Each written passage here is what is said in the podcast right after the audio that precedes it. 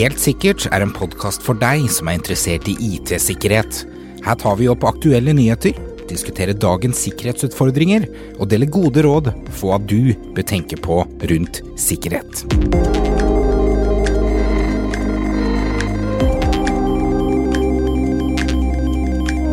Hei og velkommen til eh, denne julespesialen av eh, Helt sikkert. Mitt navn er Stian. Mitt navn er Aleksander. Det nærmer seg jul. Det, dessverre, skulle jeg nesten si. Ja, det er mye stress før jul, altså. Har du begynt på julegavene? Nei, det har jeg ikke rekket ennå. Jeg, jeg får tak i noen, men eh, jeg, har en tendens til å ta det siste liten. Jeg kan ikke det Ja, det har vel hendt at man tar julepresangene helga før, eller eh, bare noen dager før.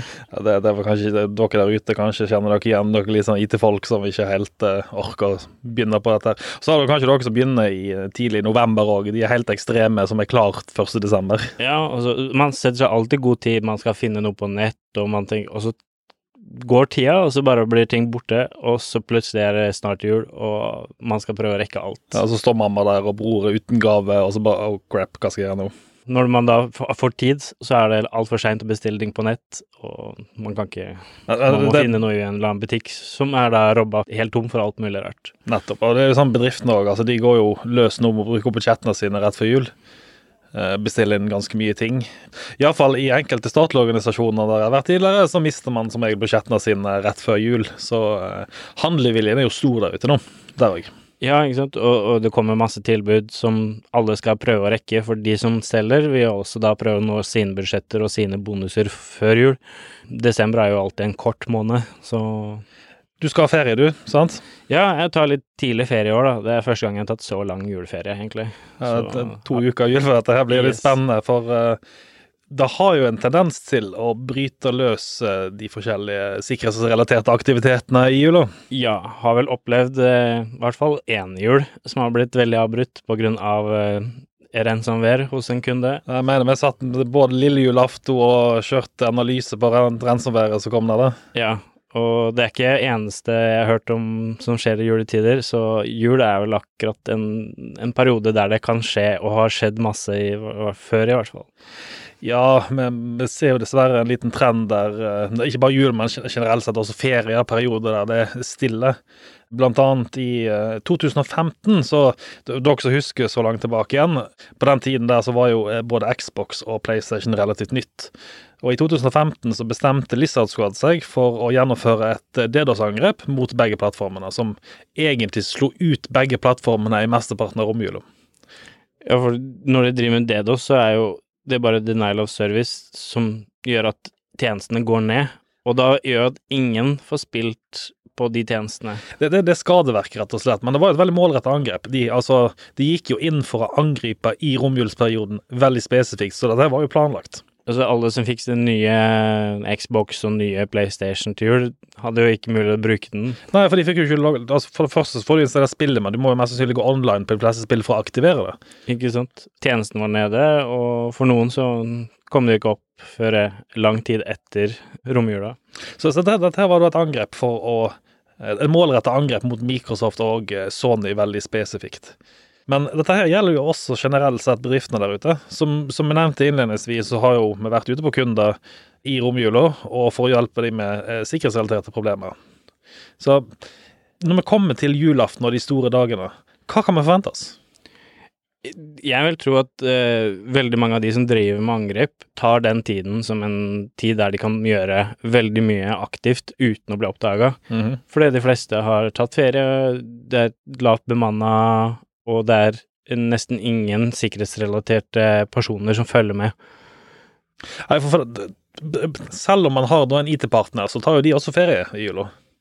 Ja, og det kan jo være det at alle varsler går av, men hvem er det som sitter og leser varslene når ingen er på jobb?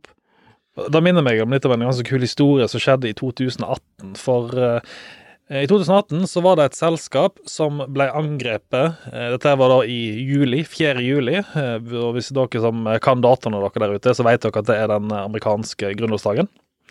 I dette spesifikke angrepet så hadde de vært inne i god stund før, eh, opptil en måned før, og skanna nettverket. Og de hadde funnet en sårbarhet, og de hadde funnet en database. Istedenfor å prøve å hente ut disse dataene når de faktisk oppdager det, i begynnelsen av juni. Så venta de taktisk i nettverket til du kom til den 4. juli, der de visste at alle amerikanere var ute og feira. Så det var ingen som fulgte med, ingen som reagerte hvis du ble brukt mye bombredde eller noen ting foregikk. Og det var da credentials fra brukere som vanligvis var på jobb, som da plutselig ble brukt, som ingen som reagerte på, ikke sant. Det, det, tok faktisk eh, over to og en halv time for de å oppdage at det hadde skjedd noe. Og grunnen til at de oppdaga det, var fordi at eh, denne brukeren som var inne og angrep systemet, henta ut all informasjonen, og så sletta han hele databasen. Og selv da når databasen gikk ned, så tok det fortsatt to og en halv time å oppdage det. Fordi at, altså, hva skjer? Du er hjemme, du får en alarm på telefonen. Eh, I noen systemer så må du reise på jobb. Du har ikke mulighet til å lage det på Ja. f.eks. fjernløsningen. Du kanskje satt midt i julemiddagen og har lyst til å bli ferdig, eller eh, du var på hytta og kanskje måtte ta lang tur på vei hjem. Mhm. Det tar tid når man eh, Når ting skjer i hele dager, så er det større periode der hackere og, og angripere kan være alene i nettverket og gjøre ting det de vil. Altså, Hvor mange der ute har nå en IT-avdeling som tenker å ta ferie hele jula? Eh, jeg kan si det sånn at eh, for, for oss i hvert fall, så har vi folk på jobb hele jula, fordi at vi vet det skjer ting. Men generelt sett, folk har jo lyst til å ha ferie når alle andre har ferie. Ja, og i hvert fall sånn som viktige helligdager, sånn som jul og sånne ting, som det er Alle har en feiring. Det er en eller annen Enten om du da reiser hjem til familie eller er sammen med andre, så er det nesten alle som da som er borte fra jobb og har lyst til å, å gjøre det samtidig. Det er ikke sånn som på sommerferie der du kan vurdere litt, og noen Mhm. tar ferie da, og noen tar ferie etter. Så det er en veldig periode der det er nesten alle borte. Så, så det som jeg egentlig kan forvente, er at uh, på julaften og på nyttårsaften så kommer vi til å se angrep. Absolutt. Jeg blir ikke overraska hvis det er i hvert fall et par uh, enten nye kunder eller eksisterende kunder som opplever et eller annet i den perioden. Så, så egentlig, men vi snakker jo veldig mye om selve ferien nå, men selve tiltakene til dette foregår før. For eksempel da, som i eksempelet mitt med den angrepet mot det amerikanske selskapet, så var jo selve angrepet utført allerede en måned før. Ja, så hvis man hadde hatt noe overvåking og noen tjenester som fulgte med, så kanskje man hadde oppdaga det før. Og det, det sies jo det at en måned før er ikke akkurat så veldig lenge i det Nei. Det at en angriper har vært inne før de gjør noen ting. Statistikken sier jo det at det har vært opptil 100-300 dager inne i systemet før de Mhm. faktisk gjør en ting, en handling der de blir oppdaga.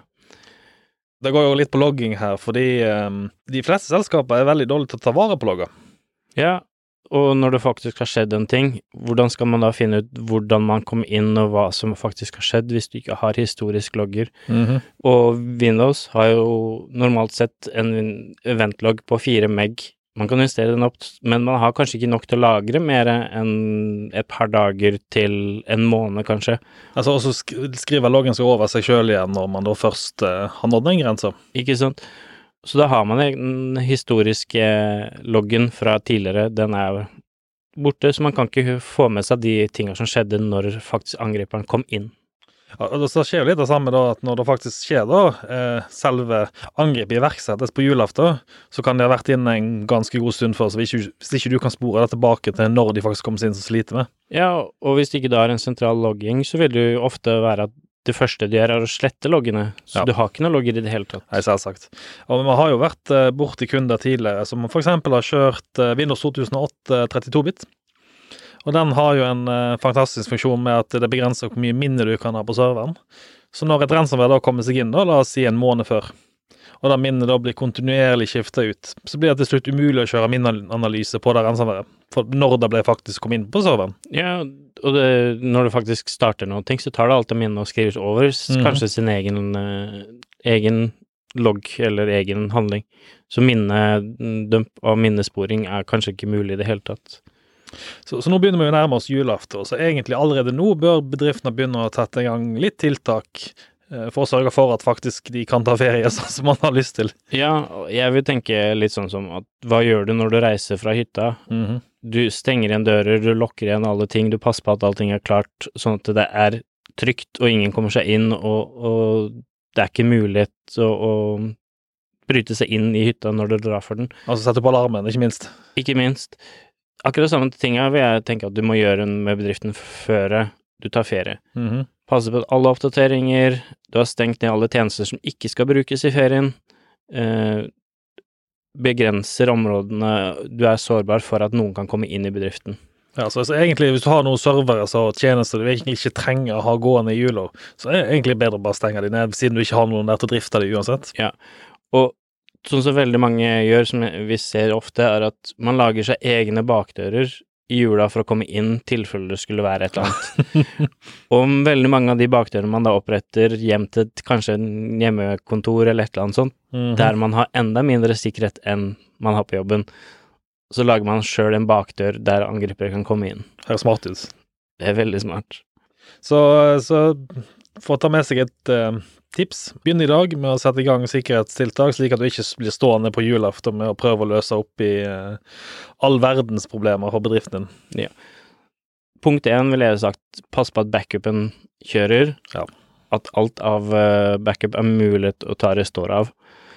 Og så stenge ned, sånn at man ikke har minst mulig som kan misbrukes. Mhm. Vi ser ofte, sånn som Windows RDP, som har vært sårbar flere ganger, Ja. har blitt misbrukt så veldig mange ganger. Ja, også et godt tips altså. Hvis du har backup, pass på at du tar backupen ut av kontoret og ut av maskinen du faktisk tar backup av. Ja, tar du backup til tape, ta i hvert fall tapen ut av, Yes. eh, av tape-roboten, sånn at du enten har den med deg hjem, eller et annet sted der hackere ikke får tilgang til den. Har du ikke noe remote, så ville jeg i hvert fall tatt en backup ut av huset før jul.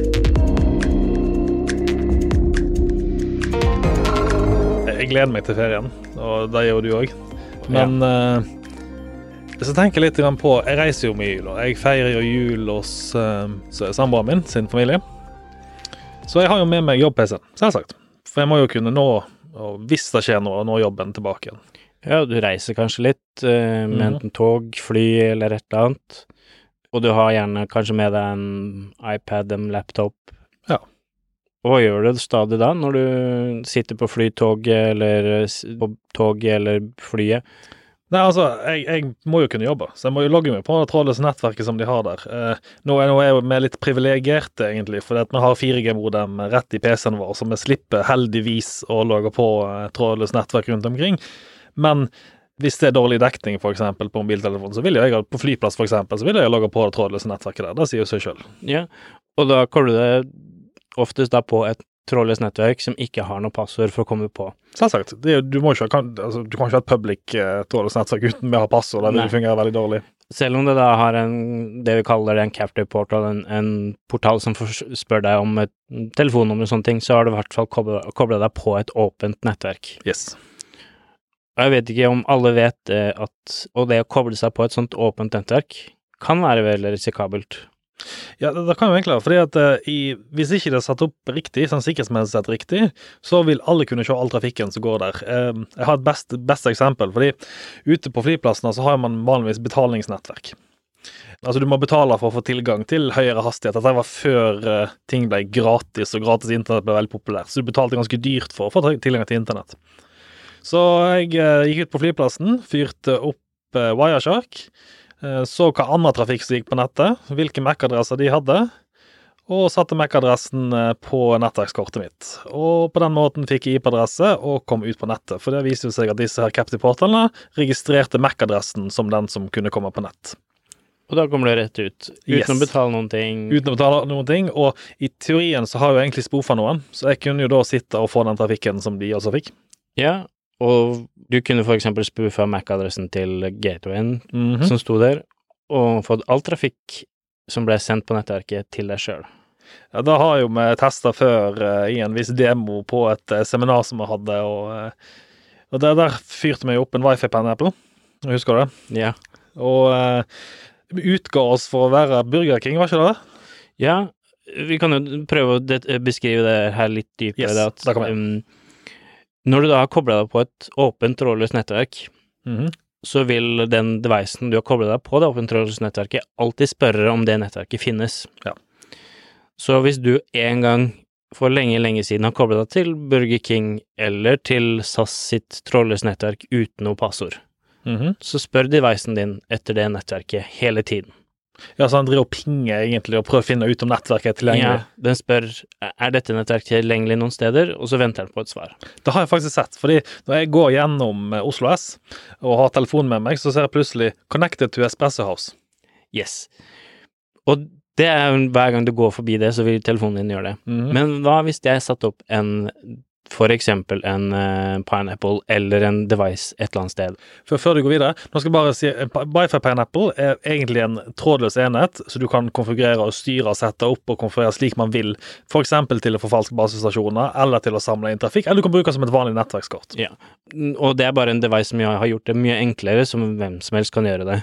Ja. Du kan fint gjøre det med et vanlig laptop hvis du vet hva du gjør. Mhm. Men da hvis jeg sitter på, for eksempel på toget, og later som jeg har Burger King fra min maskin, Ja. så vil din telefon koble deg på Burger King på akkurat samme måte når du går forbi Burger King. Sa altså, for den tror jo at du er Burger King. Yes. Mhm.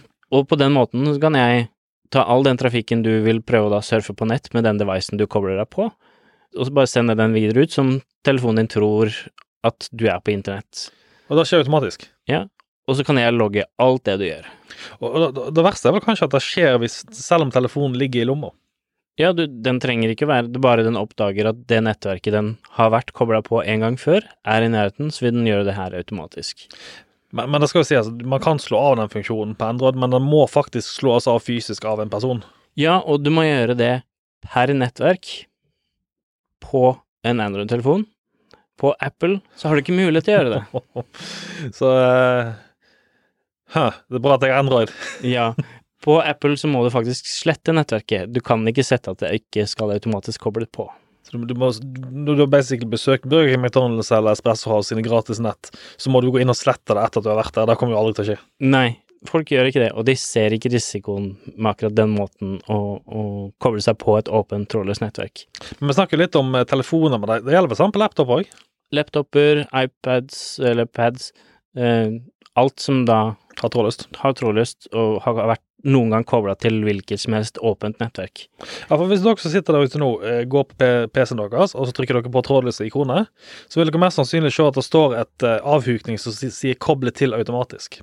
Det er jo egentlig det du sier. bare Hvis du ser nettverket, skal du automatisk koble til. Ja. for nettverk som har et passord, så er ikke det så veldig krise, for maskinen vil spørre etter det nettverket, Mhm. men hvis jeg prøver å sette opp det nettverket sånn at du skal koble til, så vil maskinen din forlange at det nettverket har det samme passordet, Ja. så jeg kan ikke mm, late som jeg har et nettverk du vil koble til. Men hva vil skje hvis jeg setter opp et passord, et nettverk som er med passord, og så eh, tar jeg det uten passord? Vil han da si 'noe er galt der', eller vil han Ja. prøve å komme til? Nei, hvis maskinen har kobla til det nettverket med et passord, Mhm. og jeg setter opp det samme nettverket uten passord, så vil maskinen din bare si at det er ikke det samme nettverket. Ja, okay. Så den vil ikke prøve. Så nettverk som har brukt passord på, trenger du ikke å slette eller Nei. ikke hooka, eh, men alle nett som du da har noen gang vært kobla på som ikke har noe passord, må du passe på sånn at ikke de kopper. Nå skal det sies at eh, på veldig målretta angrep, der man bruker f.eks. VEP-kryptering Nå er det nok ikke så mange der ute som eh, kanskje bruker det fortsatt, men den krypteringen er veldig lett å knekke. Så der, hvis jeg skulle f.eks. gått et målretta angrep mot en bedrift som jeg visste brukte VEP, så ville jeg gått inn, lytta på nettet til jeg fikk nok nøkler. Så disse nøkkelidentifikatorene altså i pakkene som blir sendt. Kryptert, eh, dekryptert nøkkelen og satt opp mitt eget nett med samme. Ikke sant? Og den vil koble seg til, da. Ja. Og sånn kan du få maskinen din til å koble seg på ditt nettverk, så du kan spore. Og det gjelder jo hjemme. Det Kanskje hjemme. for jeg har jo trådløst hjemme hos meg. Ja, ikke for å være slem, men jeg har prøvd å gjøre det her noen steder, da sånn i testøyemed. Og så Og var det er derfor, ikke- så var derfor altså plutselig alt begynte å henge seg utenfor leiligheten min, ja. Ah, jeg, Ja, jeg, jeg jeg går ikke rundt i hjemmeleiligheter, så Men bare på kontoret, teste hvor mange nettverk er det alle devicene inn- innafor kontoret kobler seg på, og det, det er en stor håndfull. Men det er tiltak man kan gjøre da, som vi prata om, det å slette og, og huke at ikke automatisk skal koble til, i Ja. hvert fall ikke koble automatisk til åpne nettverk som ikke er noe passord på. Men det er jo veldig tungvint. Altså, altså, det krever jo litt av brukeren. Så VPN kan da være en enklere løsning, eksempel. Ja. Én ting man må huske på når man da kobler seg på åpne nettverk, det er stort sett en grunn til at nettverket er åpent, om de da får betaling fra noe annet, eller om det er kan være noen som sitter og lytter på. Vi har sett det ja, i flere andre land, at sånn åpne nettverk, sånn som McDonald's, så har det vært noen, enten i McDonald's sjøl eller på den lokasjonen, som har lytta på nettverket Mhm. og, og sporer det, og kan bruke den trafikken til enten å tjene penger med å sende reklame eller andre ting. Så i hvert fall når du kobler på trådløst nettverk eh, som er åpent, bruk en VPN. Det finnes jo ganske mange typer VPN der ute, men Allbase on VPN Hørt om det? Det har jeg hørt om. Det er, jeg har hørt om mange andre VPN-er òg, så det er akkurat Jeg vil ikke si én VPN er bedre enn annen, men bruk en VPN der du har Vær sikker på at ingenting av det du gjør, blir logga. Ja.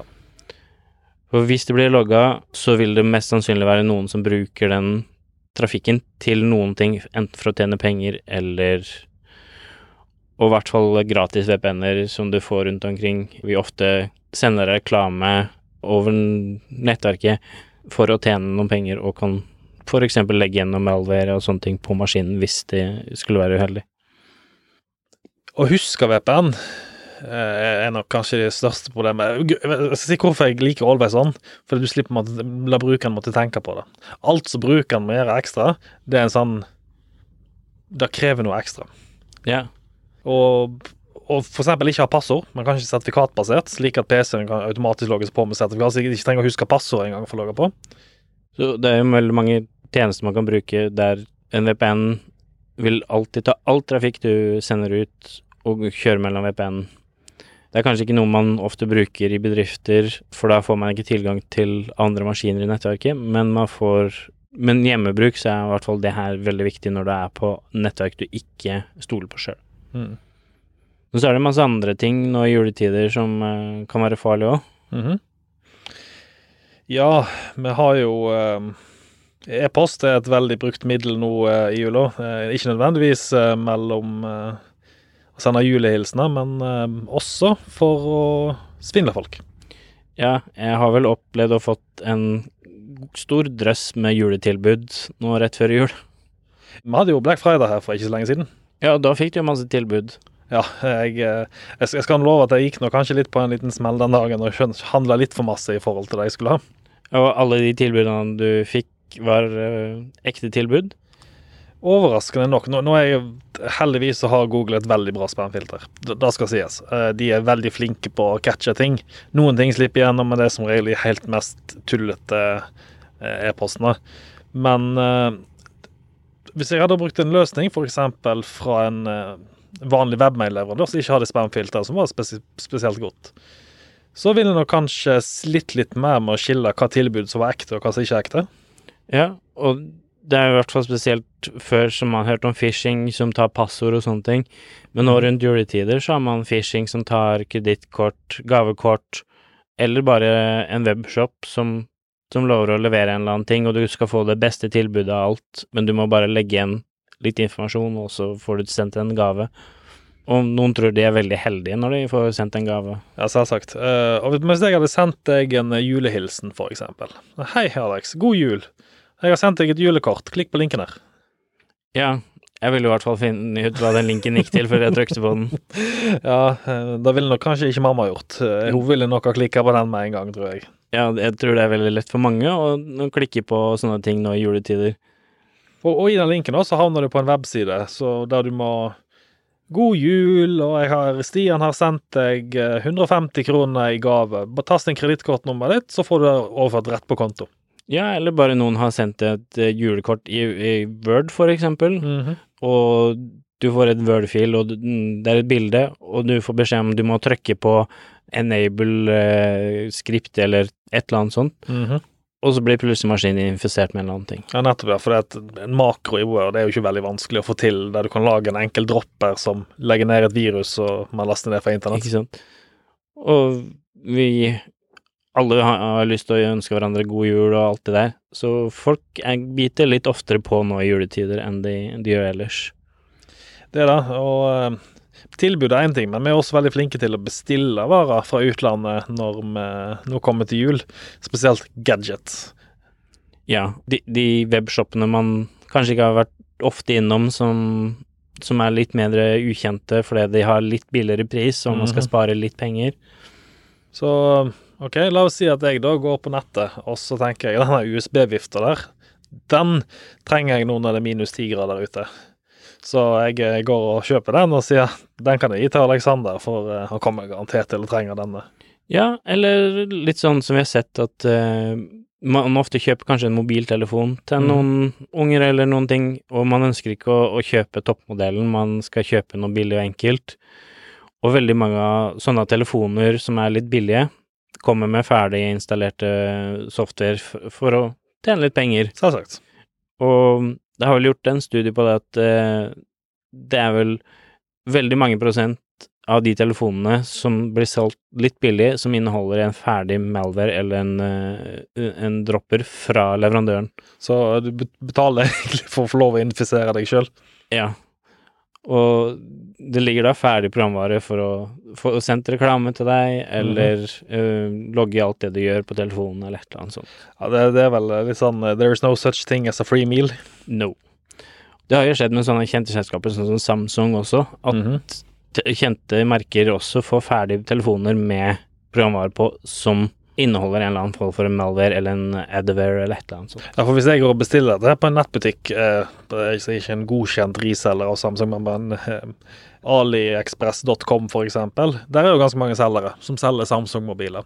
Ja, Og de legger ofte på noen programvare ekstra for å si at de kommer fra seg, og, Mhm. og de inneholder kanskje noen ting som ikke er veldig morsomt å ha på telefon. Ja, det samme USB-vifte som jeg sendte deg, eh, den kan jo også inneholde litt spennende ting som ikke bare er USB-vifte. Ja, den kobler seg på USB-porten. Den behøver ikke bare strøm, den kan også kanskje sende noe inn på maskinen din for å gjøre noen ting. Du vet aldri hva den USB-porten blir brukt til, det er ikke bare for å få strøm noen ganger. Og nå skal ikke vi skremme dere der ute, eh, det, er ikke meningen med dette her, men det er mer eh, bli obs på hva man faktisk eh, kjøper, og hva man faktisk får. Eh, jeg ville kanskje vært litt skeptisk med å kjøpe et eh, IP-kamera eh, som skal stå på den lille ungen min sitt barnerom for å overvåke. Eller plassere det f.eks. midt i bedriften for å overvåke bedriften når det er kveld. Ja, det har vel, vært veldig mange selskaper som har opplevd det at eh, i hvert fall sånn som IP-kameraer har vært mulig å misbruke. Mhm. Eh, fordi de ofte lager en, en bakdør som skal gjøre det enklere eh, for brukeren å finne fram dataen og, og kameraet når de, når de enten er da ute av huset eller over internett. Så det er mange ting man burde følge med på. Man får kanskje mange ting i, i gaver og sånne ting til jul. Før man da setter i gang og bruker de, så kanskje sjekke ut eh, Gå og google litt og finne ut om det her har vært kjent for å være angrepet eller misbrukt på noen måte, før man da starter å bruke de tinga man Så, får så bruk. Google aktivt. Det er egentlig eh, beste rådet når du skal først skal kjøpe noe. Og hvis du skal kjøpe noe mobiltelefon, sant, hold deg til merkevare. Ja. Og, og de tinga man får til jul, kanskje man skal da undersøke litt uh, før man tar det i bruk også. Ja, i hvert fall hvis du er et- Tenk deg du eh, som jobber i en ganske sikkerhetssensitiv bedrift. da. Så kjøper du en mobiltelefon fra utlandet. Den inneholder da en eh, mikrofonapp som sitter og tar opp alt du sier. Du tar den med deg inn i møterom. Så e- enkleste for meg, når jeg vet hva du vil ha, er jo å for det første sende deg masse annonser på den mobiltelefonen. Så uh, sørger jeg også for at de annonsene peker mot en butikk det som jeg har kontroll over, og så sender jeg den mobiltelefonen som uh, allerede kommer ferdig med Melver. Det er et veldig målrettet angrep, men det skjer. Det skjer. Og det er jo ikke bare telefoner du kan gjøre det med, det er jo også andre maskiner, eh, iPads og sånne ting. Så man må være sikker på at det er ikke Man må være trygg på at de tinga man bruker, at de er enten har noen beskyttelse på seg, eller at de har noe antivirus som skanner etter sånne ting som kan skje. Mm. Da var det egentlig bare for eh, oss å ønske dere god jul der ute og godt nyttår. Ja, ha et riktig godt nyttår. Ha det. Ha det bra. Podkasten Helt sikkert er laget av Cybron Security og produsert av Shaw Media. For mer informasjon om IT-sikkerhet, gå inn på cybron.no, eller så finner du oss også på Facebook under navnet Cybron Security. Vi tar gledelig imot innspill, tips, eller om du har spørsmål rundt din IT-sikkerhet.